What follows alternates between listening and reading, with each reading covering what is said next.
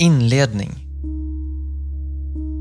Fader, jag vill att där jag är, där ska också de som du har gett mig vara med mig, så att de får se min härlighet som du har gett mig, eftersom du har älskat mig innan världens grund var lagd.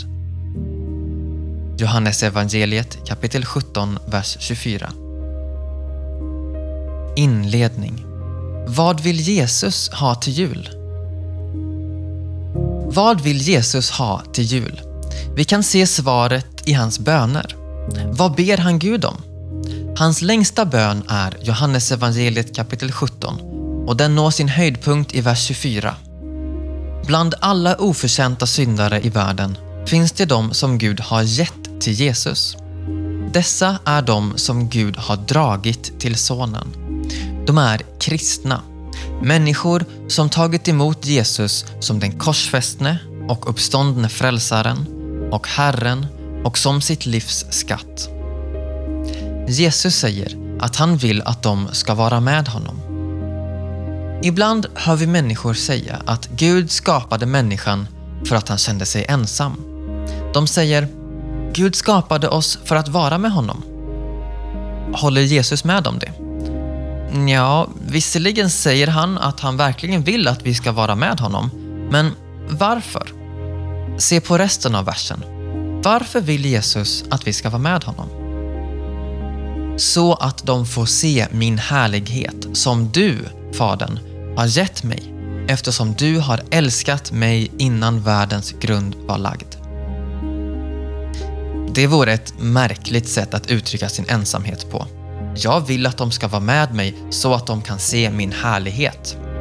Faktum är att det inte alls ger uttryck för hans ensamhet.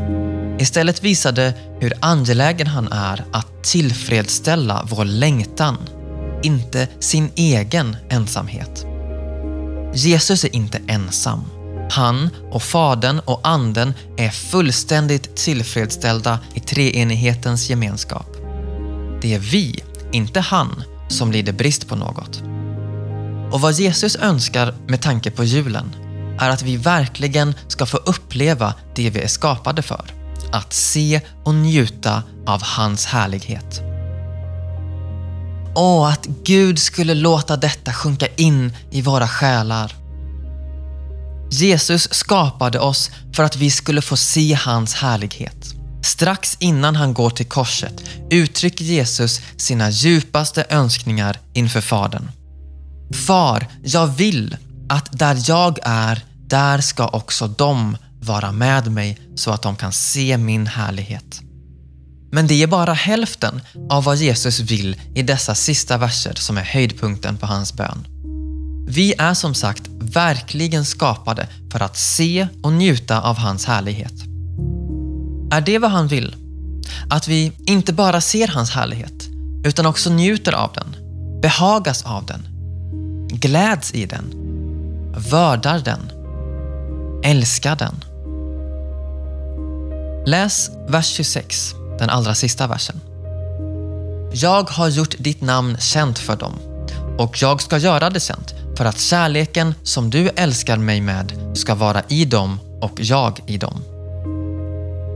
Det är slutet på bönen. Vad är det Jesus vill för oss? Inte bara att vi ser hans härlighet, utan också att vi älskar honom med samma kärlek som hans far har till honom. För att kärleken som du, far, älskat mig med ska vara i dem. Jesu längtan och mål är att vi ser hans härlighet och sedan kan älska det vi ser med samma kärlek som Fadern har till Sonen. Och han menar inte bara att vi imiterar Faderns kärlek till Sonen. Han menar att Faderns kärlek blir vår kärlek till Sonen. Att vi älskar Sonen med Faderns kärlek till Sonen. Detta är vad Anden verkar och skänker i våra liv. Kärlek till Sonen av Fadern genom Anden. Jesu högsta önskan vid jul är att hans utvalda samlas och sedan får det de önskar mest. Att se hans härlighet och sedan njuta av den med samma njutning som Fadern njuter av Sonen.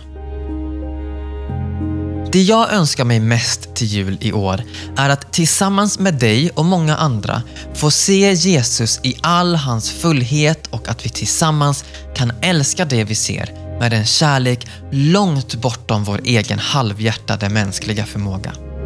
Detta är vårt mål med dessa adventsandakter.